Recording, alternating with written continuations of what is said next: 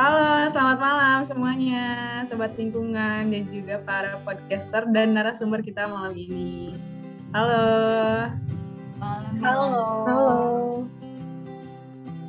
Wah, malam ini nih kita kedatangan narasumber narasumber ya bilangnya apa ya? Bintang tamu deh biar spektakuler. Bintang tamu yang wah-wah banget nih guys. Siapa sih yang gak kenal Kadita nih? Kadita dan Alia Fauzia nih mahasiswa-mahasiswa berprestasi di lingkungan. Ya, tepuk tangan. Halo, halo. Itu lo baik sih. Nah, boleh nih eh, perkenalan diri dulu deh nih dari Kadita dan eh, Kak Alia Fauzia. Silakan. Coba dulu nih.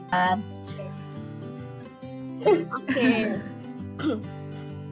Eh, halo teman-teman, kenalin aku Dita Anggra ini. Teman-teman bisa panggil aku Dita, Kak Dita, atau ya apa pun lah yang kalian mau. aku sekarang angkatan 56 dan sekarang ini lagi di apa ya fase-fase menunggu gitu ya menunggu kepastian lagi masa-masa eh, menuju ke yudisium gitu sih jadi udah fase selesai semua jadi tinggal menunggu waktunya untuk yudisium gitu sih apalagi udah kali ya Keren itu banget nih. Eh selamat dulu by the way buat Kadita. Selamat ya Kadita. Selamat kita sudah melalui semester semester Beratnya gitu ya. di LNK. Eh, thank you thank you Nah satu lagi nih Kak Alia gimana nih Kak? Boleh perkenalan diri? Diri dulu Kak. Halo, salam dengar. Salam kenal untuk semua pendengar NP Noise. Perkenalkan aku Wali Fauzia dari angkatan 57 ya. Eh, karena banyak orang yang bilang Alia itu kepanjangan buat dipanggil, jadi teman-teman lebih akrab manggil aku Ali. Silahkan manggil gitu aja.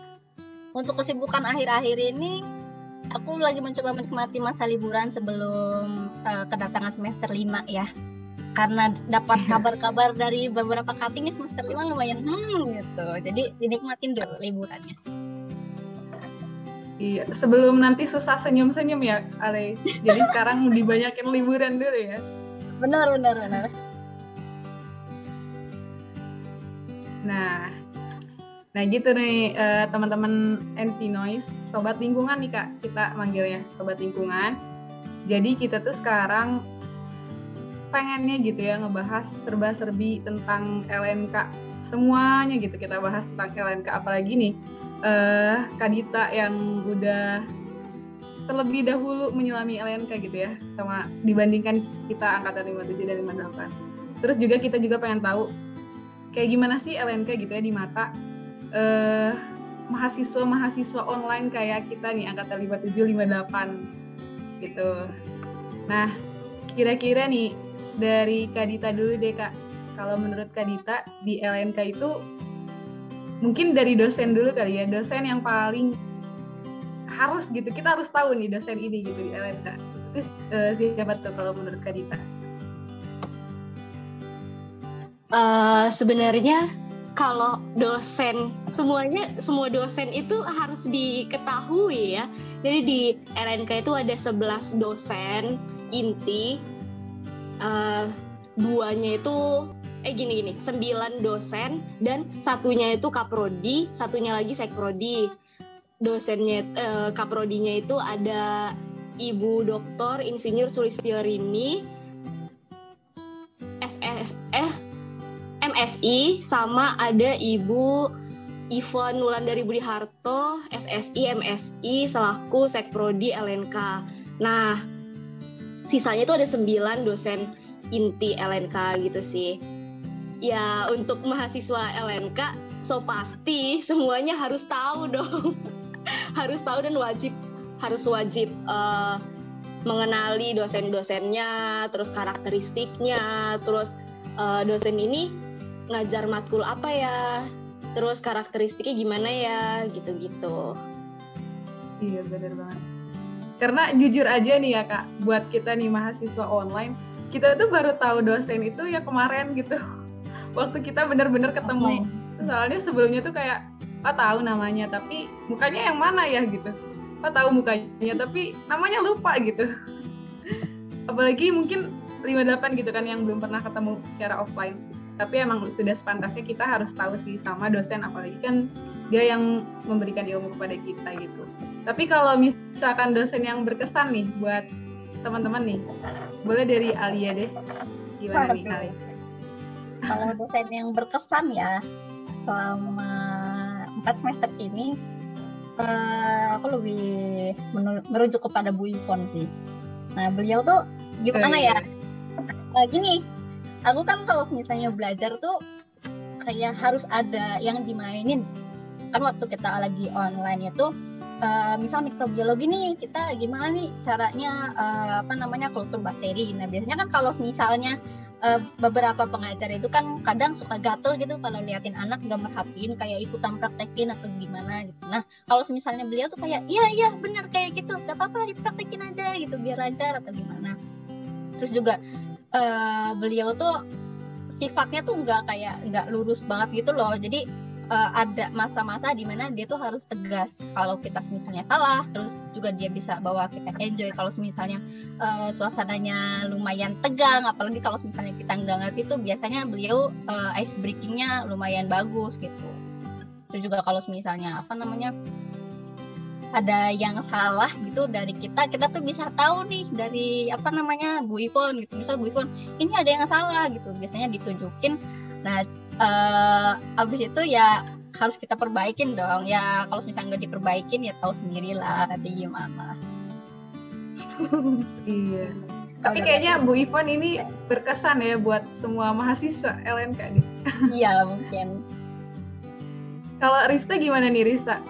Dari angkatan 58 tuh dosen yang paling diingat gitu yang paling wah gitu. Siapa cerita kira-kira menurut aku aku setuju sih sama Kak Arya.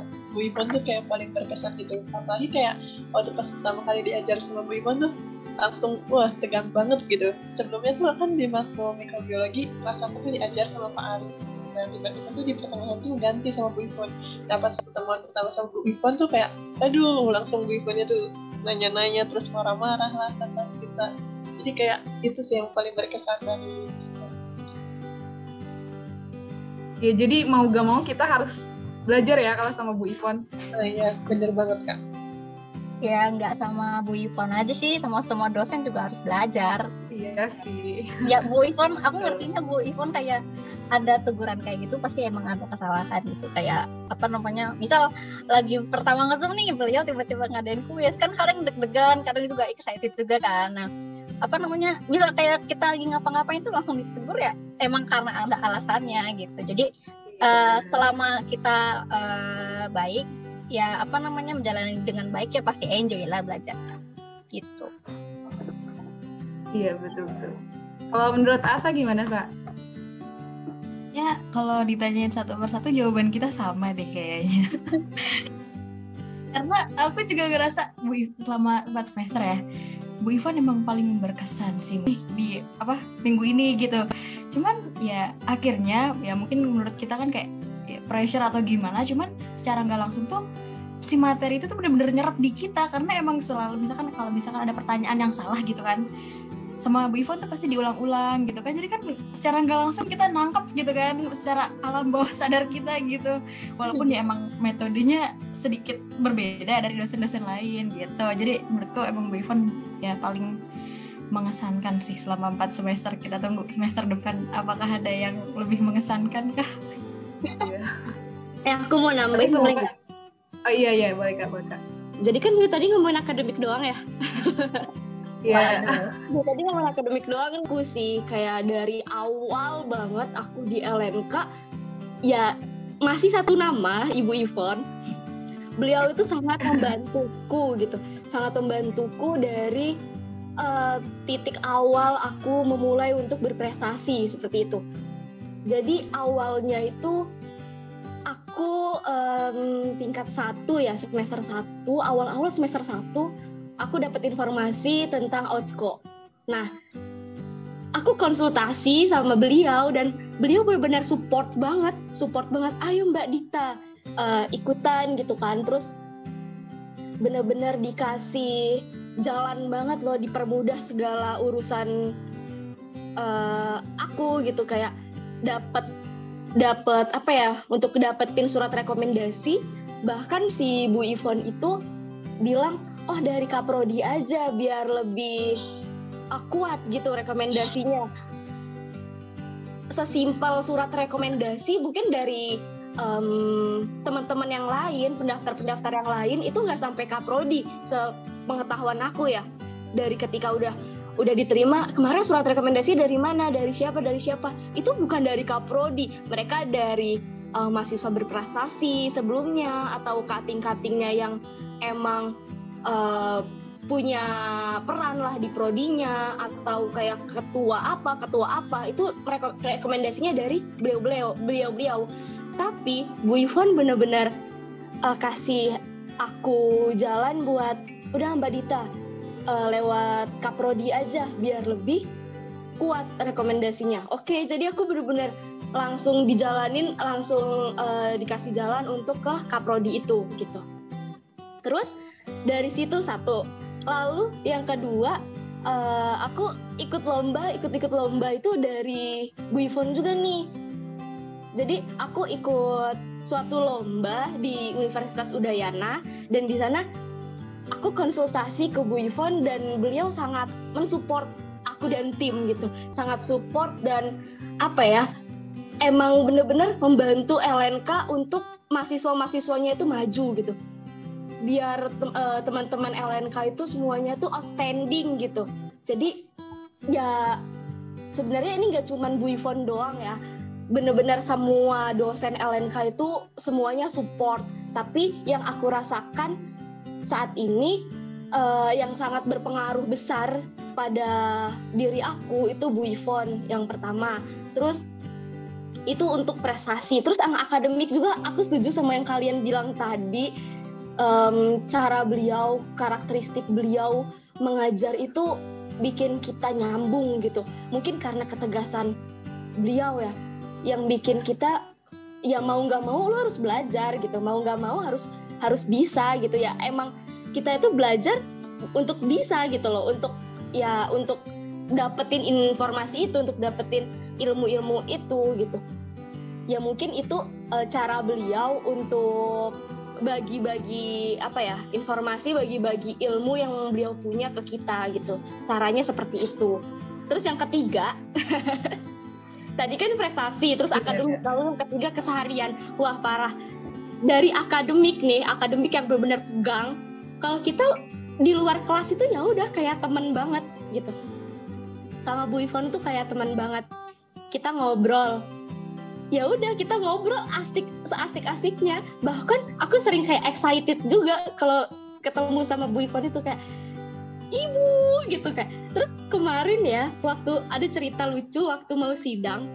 Jadi waktu mau sidang kemarin tiba-tiba aku uh, ketemu Bu Ivon di Lepling kata Bu Ivon gini eh Mbak Dita katanya. Um, besok sidang sama siapa? Padahal penguji aku Bu Ivon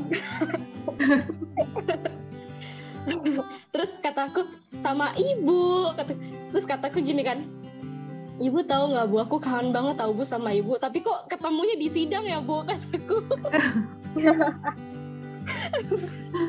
ya, terus kata teman-temanku gini, ya berarti doanya terjawab di dipertemukan di sidang. Jadi kan ngobrolnya lama katanya. Ya udah, jadi kayak ya udah. Waktu sidang juga enjoy. Yang nggak seperti yang uh, teman-teman bilang Bu Ivan itu selalu tegang itu enggak. Bu Ivan Bu Ivon itu ya tahu tempatnya lah kalau di luar kelas guyon-guyon suka juga lah suka ketawa-tawa suka uh, ngobrol-ngobrol juga sama kita gitu benar setuju setuju memang itu sih ya Kak Dita yang yang disayangkan dari generasi online tuh jadi kita tahu dosen tuh ya sebatas di jam pelajaran aja gitu. Di luar itu kita malah kayak nggak kenal. Makanya justru eh, apa sih kalau menurut aku gitu ya sayang banget gitu. Kita tuh belum dapat si momen-momen menyenangkan bersama Bu Ivon gitu ya mungkin gitu ya. Jadi kita kayak wah excited banget gak sih bentar lagi offline semuanya gitu. Mungkin kita sama dosen-dosen juga yang awalnya serem ternyata kan semenyenangkan itu gitu temenan sama dosen Oh iya, ada satu lagi. Tadi Iya, Bu. Ivan, satu lagi ada dosen yang membantu aku berkembang juga. Selama ini ada Pak Dimas. Pak Dimas membantu aku untuk eh, apa ya perkembangan prestasi aku juga. Pak Dimas yang membantu segala macam. Itu Pak Dimas sebagai dosen pendamping aku di PKM. Alhamdulillah tahun kemarin aku eh, bi- eh, apa ya PKM-nya lulus didanai Dikti. Nah, pendamping aku Pak Dimas. Beliau benar-benar uh, support banget sama PKM kami. Kalau kami ada benar-benar bingung banget, beliau yang mengarahkan, oh gini gini gini gini gini gitu. Jadi benar apa ya? Beliau itu mengayomi kita banget dan gak ngerasa sendiri kalau ada suatu kendala apa pun beliau bisa membantu kita gitu sih. Jadi ya beliau juga masuk ke dalam suatu perjalanan aku sih di masa kampus-kampus ini gitu. intinya sih kita juga harus mampu membawa diri ya kayak kalau ketemu dosen itu kayak gimana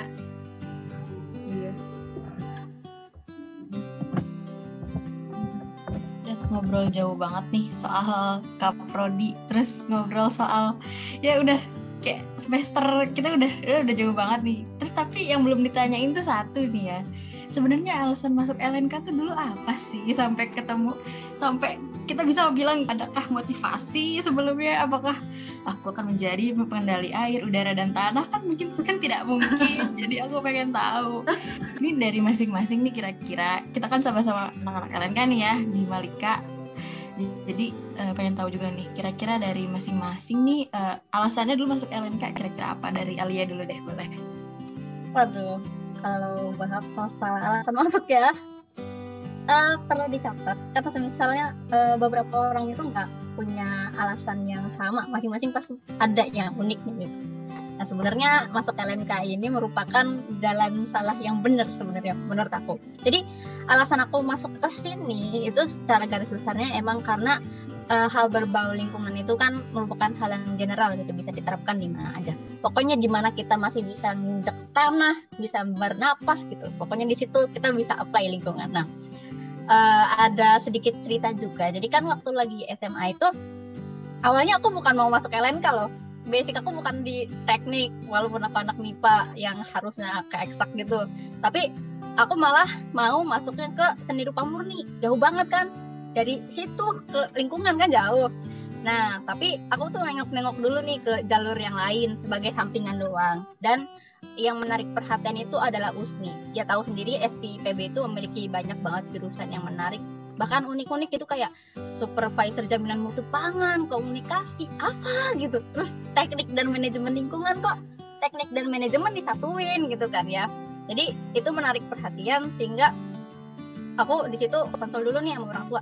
Kira-kira yang mana ya gitu eh, yang bagus buat dimasukin. Nah ini aja nih ada teknik dan manajemen lingkungan, eh, udah gitu bahasanya dia teknik dan manajemen, bahasnya lingkungan lagi kan, itu general banget. Jadi aku ambil deh.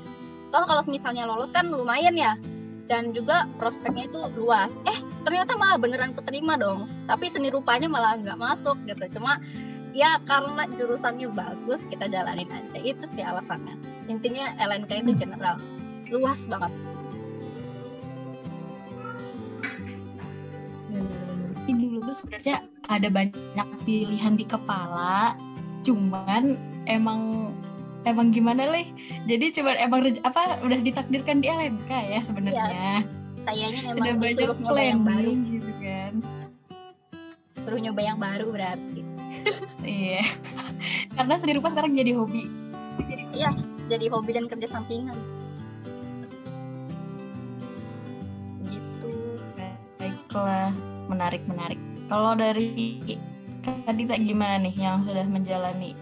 Wah naik turunnya di LNK sudah ser- sudah sepuh di LNK gimana Kadita alasan masuk LNK itu dulu apa tuh kira-kira? Oke, kalau aku alasannya sebenarnya dari dulu itu aku pengen banget ke teksip ya, teknik sipil. Nah, ya berhubung di IPB nggak ada teknik sipil ada sih di S1 tapi kan kalau USMI itu nggak masuk ya.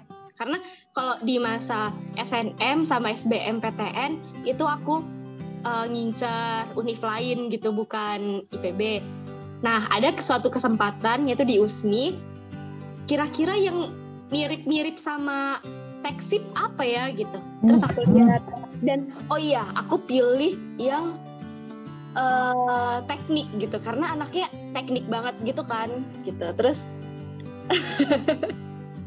terus aku lihat cuman ada teknik komputer sama teknik dan manajemen lingkungan.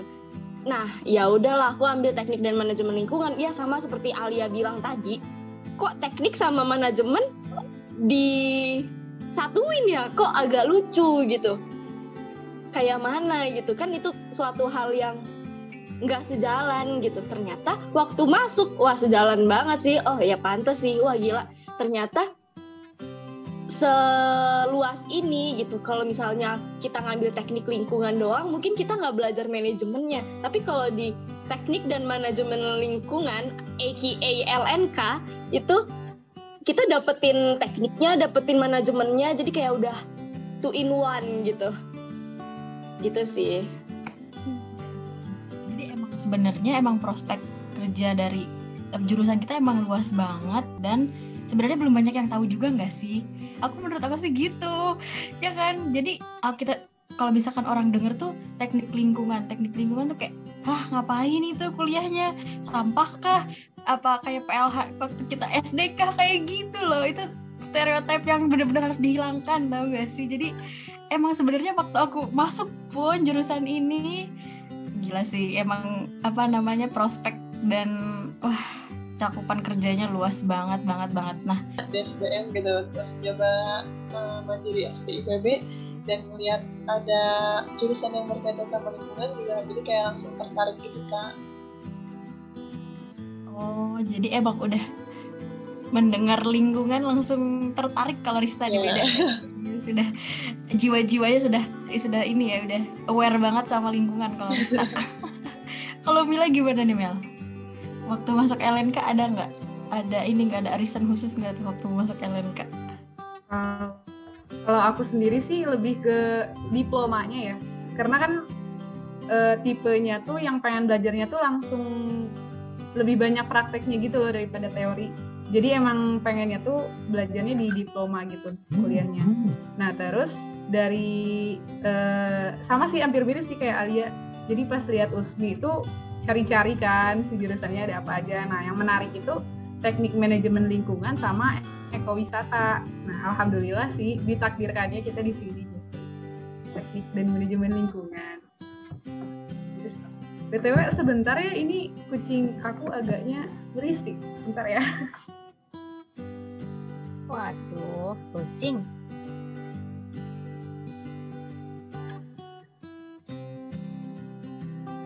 Kalau Asa alasan masuk LNK gimana, Sa? Aku ditanya juga ya? Aku iya, alasan... apa-apa dong. Podcast interaktif ini, Envy Noise. Narasumbernya nanya, podcasternya baiklah. Aku alasan masuk LNK itu lebih tepatnya takdir juga sih kayaknya. Karena aku dulu pengennya SJMP dulu waktu pertama lihat di USBI itu kayak pengennya SJMP. Terus kayak ya siapa yang nggak mau kan kita cewek nih em itu kayak wah masak masak nih kayaknya seru gitu emang sudah kebiasaan sejak kecil kan sudah didoktrin dari kecil kayak masak masak sampai gede kayaknya wah itu seru banget kayaknya waktu pengen milih jurusan tuh terus kayak disaranin gitu sama orang tua coba pilih dulu yang teknik. Orang bilang teknik itu ya kita tahu lah ya. Waktunya gitu kan. Soalnya kan kemarin aku usmi juga ya jadi hari sabtu tuh libur. Dua matkul udah dimatrikulasi. Ada PPLH sama matematika tuh udah dimatrikulasi. Jadi berkurang lah di semester satu. Jadi nggak terlalu yang apa ya yang hektik banget gitu. Eh waktu menginjak ke ke semester 2 nih. Duar.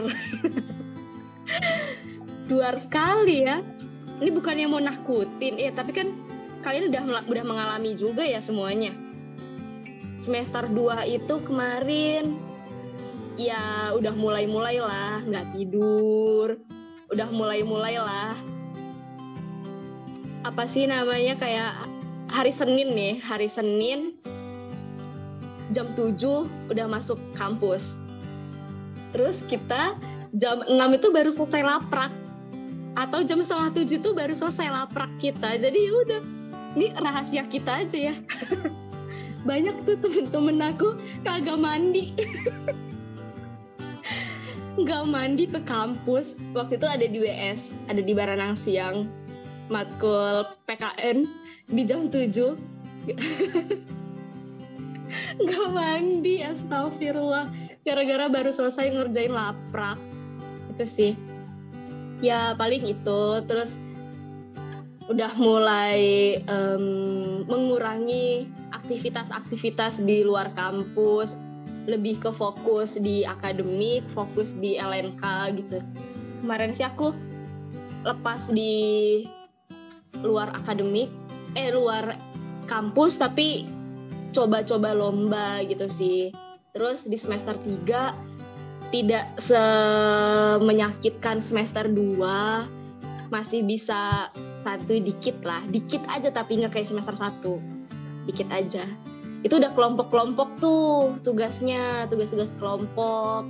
Kalau aku pribadi mending tugas individu ya sebenarnya gitu. Karena kayak kalau kelompok itu kan kita ngerjain nunggu semuanya bisa atau kayak ya kita nggak nggak semut kita gitu. Kalau individu kan mood kita ngerjain ya udah kita ngerjain sampai selesai nih. Nggak ada yang iri-irian. Gue banyak lu dikit gitu nggak ada iri-irian kayak gitu kalau individu. Kalau kelompok mungkin mungkin nih mungkin ada gitu terus kalau semester 4 ya 11 12 lah sama semester 2 11 12 sama semester 2 terus di situ kita mengenal yang namanya mata kuliah gamtek tuh. Kita mengenal mata kuliah AMDAL tuh di semester 4 nah di situlah uh, mungkin dua matkul itu sih yang menurut aku sulit dua matkul itu yang menurut aku sangat berkesan buat aku. Apalagi dulu aku di AMDAL KTPA untuk yang tahu-tahu aja nih betapa apa menyakitkan. pak apa ya rasanya menjadi KTPA gitu. Tapi alhamdulillah kelompok aku kemarin uh, asik banget sih maksudnya solid solid lah benar-benar semuanya kerja alhamdulillah gitu. tapi ada beberapa yang kelompok lain yang enggak gitu. tapi kalau kelompok aku alhamdulillahnya nih kerja semua alhamdulillah terus semester 5 ya udah sebenarnya lebih menyakitkan dari semester 4 ya sebenarnya. Tapi karena kita sudah kebal tuh, kita udah kebal, kita udah tahu ah gimana caranya buat menyiasati kayak gini kayak gini kayak gini ya udah kita udah tahu lah celahnya gitu jadi ya udah kita bisa uh, menjalaninya gitu oh ya semester 4 aku nggak tidur tiga hari tiga malam tahu waktu itu ngerjain tugas Astagfirullah. Apa mana lagi apa, gitu. Kemarin tuh aku uh, jadi ceritanya Amdal itu hari Kamis. Amdal hari Kamis, terus hari Sabtu itu gamtek. Nah udah jadi dari Kamis nyampe hari Sabtu tuh aku nggak tidur. Aku tidur setelah matkul gamtek selesai. Jadi ya udah di situ langsung tidur jadi selama tiga hari tiga malam itu benar-benar nggak kerasa nggak kerasa ngantuk nggak kerasa lemes pas sudah selesai pas sudah ngumpul ya udah baru kerasa remesnya eh remes nggak tuh lemes tapi gitu. sehat kan kak? Alhamdulillah sehat. Karena tetap makan. Gimana? Enggak. Naik 10 kilo. Iya. waduh. Mantap juga. gitu. gitu gengs.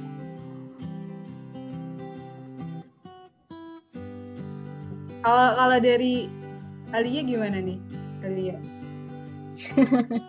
Perasaannya gitu. Ya perasaan suka dukanya. Kalau dijabarin dalam satu kalimat sebenarnya asik-asik frustasi sih. Asiknya gini loh. Asiknya gini.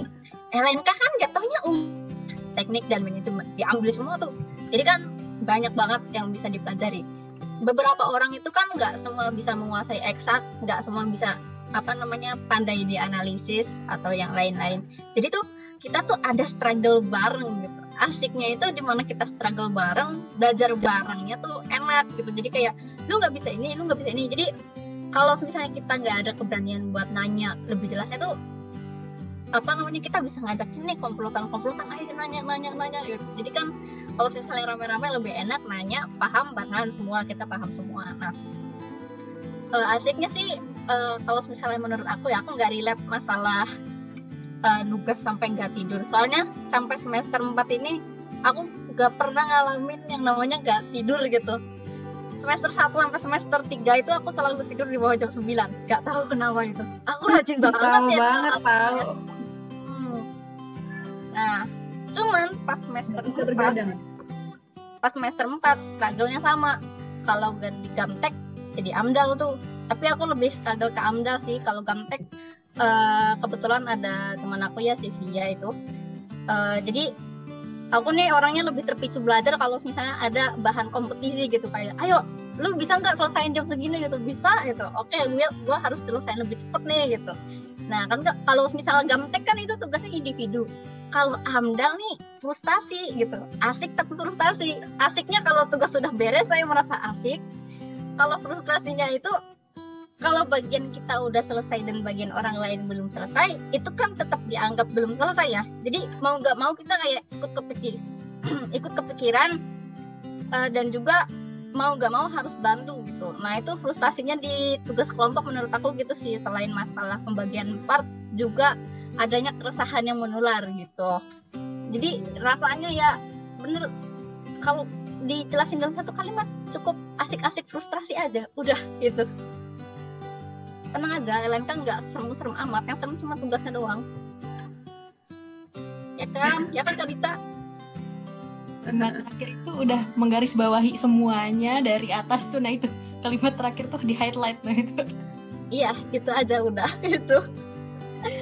Tapi mau nanya deh ada nggak sih kayak sampai semester 4 nih ya buat Alia? Iya. eh, mat, eh bukan ya mata kuliah apa yang menempel banget sampai semester 4 nih dari, sem- dari semester 1 sampai semester 4 kayak mata kuliah itu kayak gak bisa dihilangin gitu kayak ya ampun itu terngiang-ngiang dan ya mengesankan lah pokoknya.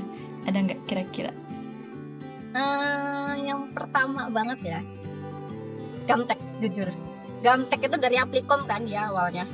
Aplikom itu aku udah kayak ini pas masuk ke bab AutoCAD itu aku udah kayak ah kayaknya aku butuh nih belajar ini. Sok aja kalau aku nggak bisa nih sekarang semester 4 aku pasti begadang. Aku bilang kayak gitu. Oke tuh belajar. Aku minta tutorin ke orang yang lebih paham. Misal ke bapakku lah ke temenku atau siapa. Nah bener pas semester 4 ketemu Gamtek di saat orang lain struggle ini komennya apa? Ini komennya apa? Saya di situ ketawa-ketawa saya sudah bisa gitu kan. Itu saling nempel Apicom terus Amdal juga. Amdal nempelnya tuh karena kita tuh benar-benar setiap minggu itu kan menerapkan secara langsung ya. Misal kayak minggu ini kita bikin apa kita langsung bikin. Habis itu biasanya kan langsung di apa namanya dikoreksi sama supervisornya apa yang kurang apa yang perlu diperbaiki. Apalagi pas sebelum ujian tuh kan waktu kemarin itu untuk angkatan 57 ya kita lisan kan untuk ujian praktikumnya itu nah aku semalaman tuh sama Feby sama Kak Dita kita kuis amdal kawan-kawan. Jadi itu secara tidak langsung menempel. Kayaknya bakal tetap nempel sampai semester 6 gitu sampai lulus.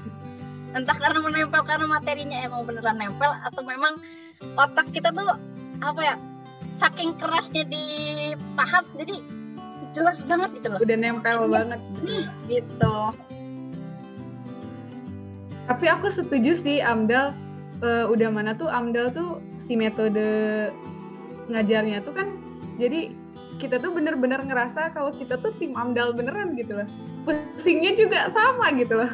Jadi kita kayak ngerasa paham gitu maksudnya lebih mudah memahami karena kita kayak ngerasain langsung bagaimana jadi tim AMDAL gitu. Setuju nah kita mau nanyain KTPA-nya nih. KTPA-nya Amdal pada masanya nih kalau Kadita nih setelah menjalani semester 1 sampai semester 6 nih ada gak di kak mata kuliah yang nyangkut banget di kepala nih kira-kira Oke. Ada satu aku yang nyangkut banget itu AMDAL. Terus yang kedua itu ada bioremediasi semester 5 sama ada K3. Kenapa K3 itu sangat amat nempel karena TA aku berkaitan dengan K3 juga gitu. Jadi ya lumayan nempel. Nempel deng, bukan lumayan. Tiga matkul itu sih. Amdal aku suka banget sih tapi kalau dari mereka bertiga aku urutannya itu apa ya? Hmm, mungkin Amdal bioremediasi K3. Nah, ya. agak lain ya Kadita ini sangat mantap memang AMDAL tuh Ya, ya bener. masih menjadi top of mind gak sih di kepala kita sekarang bener-bener nyangkut banget aduh keren sih tiap Oh, ada satu lagi, satu lagi yang aku suka. apa tuh apa tuh Dastekim aku suka. agak lain memang Ada ya Kak Dita ya. tidak relate kasih tahu dong alasannya nih kita kepo nih kita kepo alasannya apa nih Kak Dita bisa bisanya nih mengidolakan Dastek tuh kenapa gitu kan Karena aku suka Dastekim tuh karena ya aku suka fisika. Aku suka fisika banget kan. Kalau di Dastek itu literally kita belajar fisika sama kimia digabung gitu. Nah, matkul eh bukan matkul, mata pelajaran yang aku suka itu dulu fisika sama kimia. Biologi aku bener-bener gak suka. Gak suka dan gak bisa buat suka gitu, nggak tahu kenapa. Dan waktu itu aku pernah ikut olimpiade fisika kimia, bukan biologi gitu.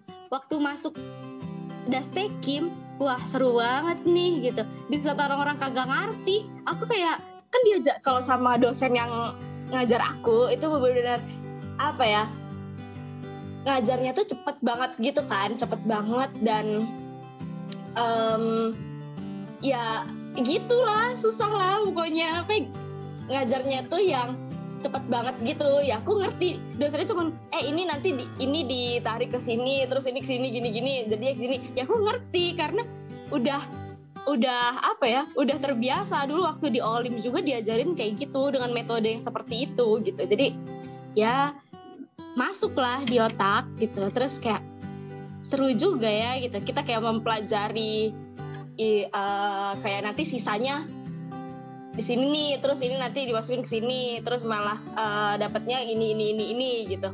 Wah itu seru sih asli. Nanti tiba-tiba tiba-tiba gini nih eh kok nggak dapat segini ya? Oh iya ini gara-gara kan dari si sisa ini nih gitu segala macem lah pokoknya. Kayak ketika kita nggak ngerti nih nggak ngerti kan orang-orang kalau nggak ngerti ah bodoh ah gue tinggal gitu ya. Kalau gue nggak bisa gue kalau nggak ngerti harus gue cari nyampe dapet. Kalau nggak dapet gue malah stres. Harus dapet tuh gitu. Kalau udah dapet tuh langsung kayak lega gitu. Kayak oh iya gini gini gini gini gini gitu. Seru banget sih. Dastekimu tuh waktu semester berapa sih? Tiga ya? iya tiga. Rista nih siap-siap nih Rista. sudah dikasih spoileran Iya. Siapa tahu Rista juga sama-sama kayak Kadita nih, pengagum Eh. Dastekim. Kalau denger-denger dari Kadita kayaknya enggak deh. Waduh, Baliknya malah dari Kadita. Kadita nih minoritas ya guys ya. Penyuka Dastekim kita pada gak suka semua. betul seru banget ya. ini Gimana kak? Iya minoritas banget saya di sini Iya, harus dikonservasi beliau nih. gak relate kita. langka ya Le Iya, semoga eh, tertular ya kita kita semua nih. Soalnya Amin. the stekim satop tuh penting loh. Cuma kenapa susah banget dipahami gitu. eh Terus juga beberapa cutting bilang katanya banyak banget tuh kalau misalnya satu sama the stekim dipakai kan di PKL. Jadi kayak hah gitu. Harus belajar lagi ini sih. Iya, itu bakal relate nanti di semester 5 ada matkul limbah kan? Itu yang dipakai dastekim sama satop. itu sih Waduh. kalau di satop itu kan paling nanti di alat-alat gitu kan dia alat ini buat apa segala macem gitu kan prosesnya kayak mana kalau dasteki benar-benar ngitung ini itu ini itunya gitu ya udah itu benar-benar semuanya dipakai di matkul limbah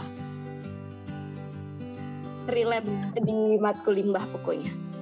Semangat ya. Ya semangat. Percaya bahwa itu asik harus diasikin biar tidak stres. Walaupun itu realitanya nggak seperti itu tetap diasikin aja teman-teman. Ya kita kan sudah kita melalui ya. amdal. Jadi kayaknya untuk melalui semester 5 se- sepertinya udah ada inilah udah ada persiapan mental yang cukup lah ya dari sekarang. Agak kurang meyakinkan kebal ya. kalau tadi kata Kak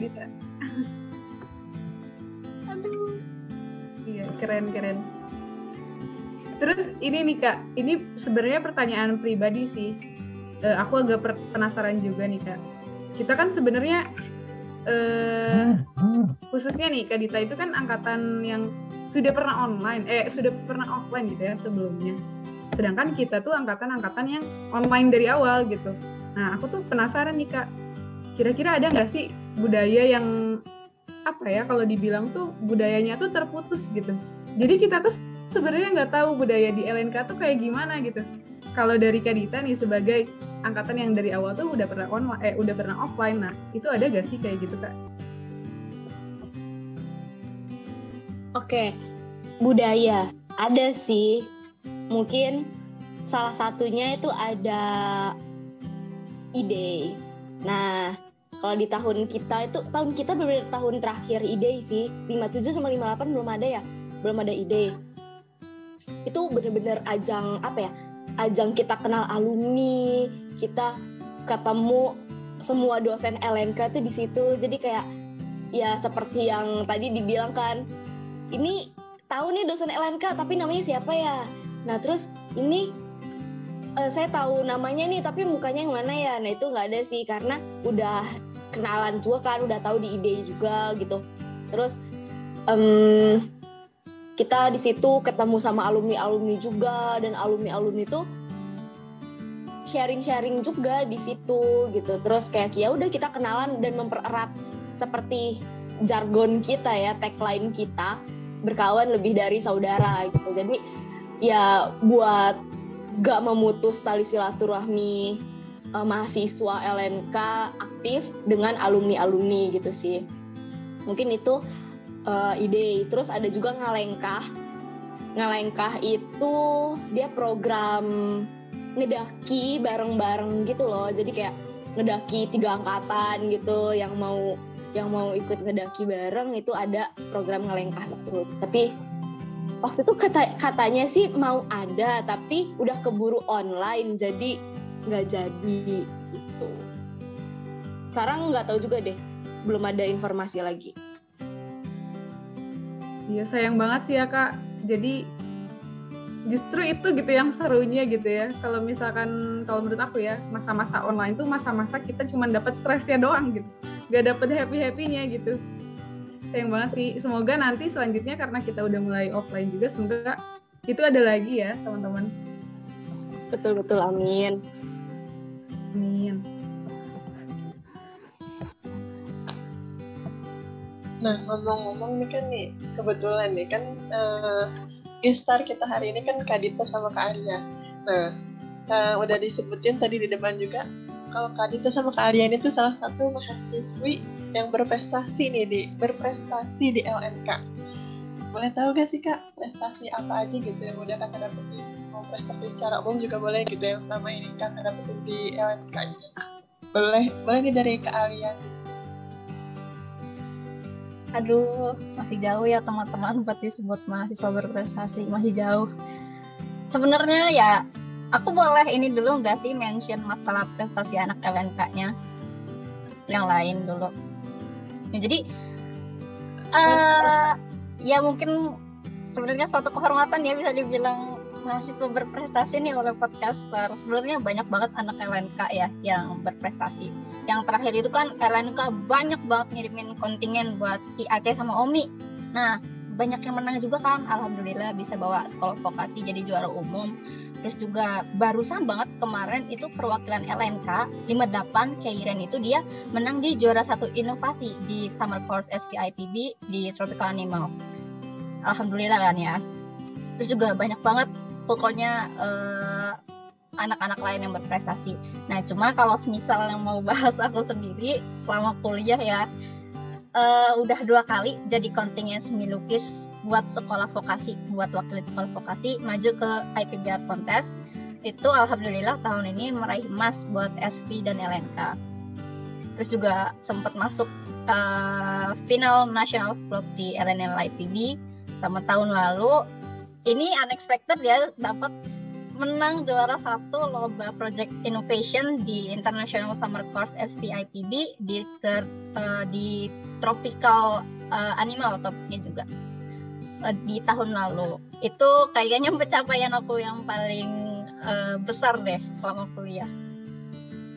Ya kalau yang lain-lainnya masih next try lah ya mari kita lihat semester 5 masih bisa ikutan lagi nggak ya? Lomba-lomba lain barangkali nambah kan buat baikin nama Elanka lumayan.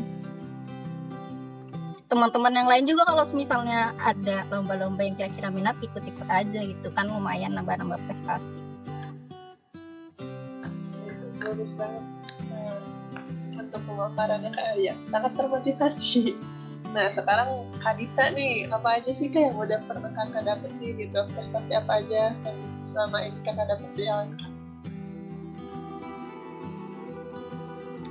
Oke, kalau prestasi ya, sebenarnya prestasi teman-teman yang lain juga nggak kalah banyak ya.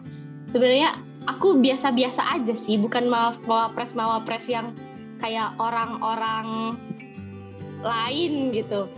Nah, kalau aku tuh alhamdulillah tuh kemarin ikut PKM dan didanai Dikti tapi belum lolos timnas. Hmm, terus waktu pertama kali ikut lomba juga itu lomba apa ya? Yang Udayana itu itu finalis. Sebenarnya nggak nggak sebanyak banyak teman-teman yang lain gitu. Terus tadi di mention juga sama si Alia ya. Uh, apa tadi? Project Innovation. Oh iya, Project Innovation the Third International Summer Course di SV IPB Tropical Tropical apa? Sustainable Tropical Animal. Oh ya, Sustainable Tropical Animal. Nah, di tahun lalu aku juga dapet tuh kalau Alia kan the winner gitu. Kalau aku juara duanya nih. aku juara duanya dari uh, grup innovation gitu. Terus di samping itu juga uh, aku kan ikut Otsko ya dan di Otsko itu alhamdulillah aku sebagai best scholars juara satu juara satu best scholars di Otsko terus juga uh, grand project the winner of grand project di Otsko sama the best presentation grand project di Otsko gitu Terus uh, apalagi ya? Mungkin kemarin aku di tahun akhir tahun 2021 ya itu um, aku dipilih sebagai mahasiswa berprestasi LNK gitu sih mewakili LNK untuk lanjut gitu Terus udah sih. Oh iya sama kemarin aku dapat pengalaman yang sangat luar biasa ya di uh, The Fourth International Summer Course tahun 2022 baru kemarin ini aku jadi MC di General Lecture Environmental Engineering and Management di Summer Course. Alhamdulillah tuh dapat kesempatan yang luar biasa banget sih. Gitu. Mungkin udah. sih itu kalian merendah sekali ya padahal sebanyak itu teman-teman pokoknya congratulations buat Kadita sama Alia yang sudah membanggakan LNK di kancah nasional maupun internasional ya guys ya kalau gitu keren nih, banget sih Ya. Meskipun apa sih banyak tugas kuliah dan kesibukan lainnya, tapi masih bisa nyempetin untuk eh, ikut-ikut kegiatan kayak gitu, keren banget sih kalau. Semoga sobat lingkungan termotivasi nih dengerin ceritanya Kak Dita sama Kak Alia. Harus dong, harus dan wajib. Terus nih ya guys, kita mau lanjut ke obrolan selanjutnya. Yang mana ini sebenarnya pertanyaan yang sedikit random, cuman kayaknya sobat lingkungan penasaran nih. Kira-kira nih, prodi LNK di mata jurusan lain tuh gimana sih guys? Kalau menurut kalian ya, soalnya eh, banyak juga yang bilang prodi kita tuh tersibuk sefokasi itu benar apa enggak? Apakah itu hoax? Apakah itu akademik usahakan tiga-tiganya itu balance gitu gitu sih terus apa ya udah deh kayaknya mungkin semangat deh buat teman-teman semoga eh, masa-masa kuliah di semester ganjil ya semester ganjil 1, 3, dan 5 lancar. Terus diberi kemudahan untuk mendapatkan ilmu-ilmunya dan bisa merasakan apa ya hasilnya nanti baru kerasa gitu loh. Jadi kayak ya udah nikmatin aja prosesnya. Ini semua bagian dari proses. Semangat untuk semuanya kasih banyak nih buat Kak Dita. Kalau dari Ale gimana nih pesannya?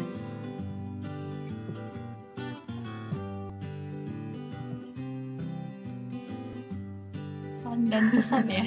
Kesannya di LNK 4 semester, terus pesannya nih buat adik-adik yang mau masuk angkatan 59 dan mungkin buat adik kita nih yang paling baru nih 58 yang mau menuju semester 3 dan 4 kira-kira ada nggak nilai? Oke. Enggak ya. Pesan untuk LNK.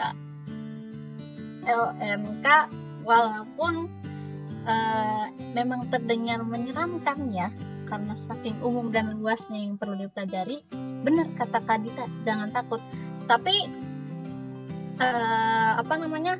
kesan dari aku bahkan kalau misalnya itu sulit untuk dihadapi, kalau misalnya udah dilaksanakan itu menyenangkan banget sampai LNK jadi kayak eh, kita belajar sesuatu nih nggak ngerti.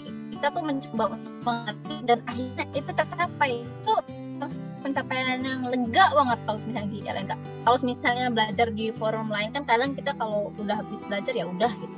Rasanya biasa aja. Cuma kalau misalnya di LNK entah kenapa selalu ada kebahagiaan tersendiri gitu. Emang karena paham dan hal tersebut bukan hanya bisa diterapkan di proses pekerjaan kita nanti tapi di kehidupan sehari-hari juga bisa kita terapkan. Jadi misal kita lagi lihat fenomena sederhana, kita bisa mikir kayak oh ini ternyata konsepnya begini, ini ada di perkuliahan aku loh di lingkungan. Ternyata emang se- apa ya hal dari basic sampai detail itu ada di LNK. Jadi kalau bisa paham itu ada kebahagiaan tersendiri. Nah untuk pesannya eh, mungkin kalau misalnya untuk teman-teman terutama yang 58 dan 59 eh, merasa takut untuk menjalani perkuliahan terutama di LNK menurut aku kuncinya ada satu sih prepare. Segala jenis harus di prepare. Misal kamu tidak bisa fokus coba belajar lebih awal. Kalau misalnya kamu eh, tidak bisa mengimbangi eh, apa coba cari hal lain yang membuat kalian bisa setara sama orang lain. Jadi nggak ada harusnya nggak ada istilah di mana kita ini nyasar dalam menjalani sesuatu. Sebenarnya salah kalau misalnya tadi aku nyebut aku nyasar. Sebenarnya tepat-tepat aja jalannya. Cuma kita bisa dikasih kelebihan di bagian yang lain gitu. Eh, terus juga kita bisa prepare relasi untuk lebih mempermudah eh, pembelajaran kita maupun kegiatan-kegiatan yang lain. Dan juga eh, kalian juga bisa mencari berbagai kegiatan yang eh, menarik untuk meningkatkan eh, nilai mutu diri kalian sendiri itu juga eh, semangat buat teman-teman dalam menjalani kuliahnya ya kalian semua tuh hebat kalau misalnya berusaha hanya orang-orang yang biasa yang tidak berusaha itu intinya Waduh, keren keren keren. Iya, benar banget sih. Karena kita sudah melampaui ya, guys. Udah sejam lebih kayaknya nih. Tapi seru banget sih ini podcast ter terkupas sangat mendalam gitu tentang L, eh, tentang LNK gitu. Kita benar-benar bahkan eh, yang tadinya nggak tahu tuh ya eh, Kadita yang tadi budaya itu jujur aku baru tahu di sini selain yang ide itu aku baru tahu jadi uh, menambah pengetahuan gitu. Semoga buat teman-teman uh, LNK angkatan 58, 59 atau semua sahabat lingkungan yang dengar uh, podcast NV Noise ini semoga jadi menambah pengetahuan dan juga bisa termotivasi gitu dari podcast episode ini. Nah, karena sudah malam nih sebelumnya aku mau terima kasih dulu buat Kadita dan Nalia karena sudah menyempatkan gitu ya buat jadi uh, gue star gitu di episode kali ini. Terima kasih banyak Kadita dan Nalia. Terima kasih udah ganggu waktunya, waktu bersantainya malam ini. Gak kerasa udah sejam lebih ya teman-teman. Sama-sama terima kasih juga udah diundang, udah bisa bagi-bagi cerita sama sobat lingkungan. Thank you Himalika. Yeah. Terima kasih kembali juga ya teman-teman. Lumayan loh ngobrol-ngobrol kayak gini bisa ngilangin jenuhnya liburan ya. Apalagi buat para pendengar nih bisa kan dengerin kalau jenuh ya kan. Masuk, boleh. Masuk, masuk. Nah, mungkin dari kita uh, cukup sekian dulu ya sobat lingkungan. Terima kasih banyak karena sudah mendengar sampai ini semoga uh, podcast kali ini menjadi bermanfaat dan juga motivasi teman-teman semua. Dan jangan lupa dengerin semua episode-episode NV Noise Himalika ini di Spotify. Terima kasih ya teman-teman. Selamat malam. Assalamualaikum.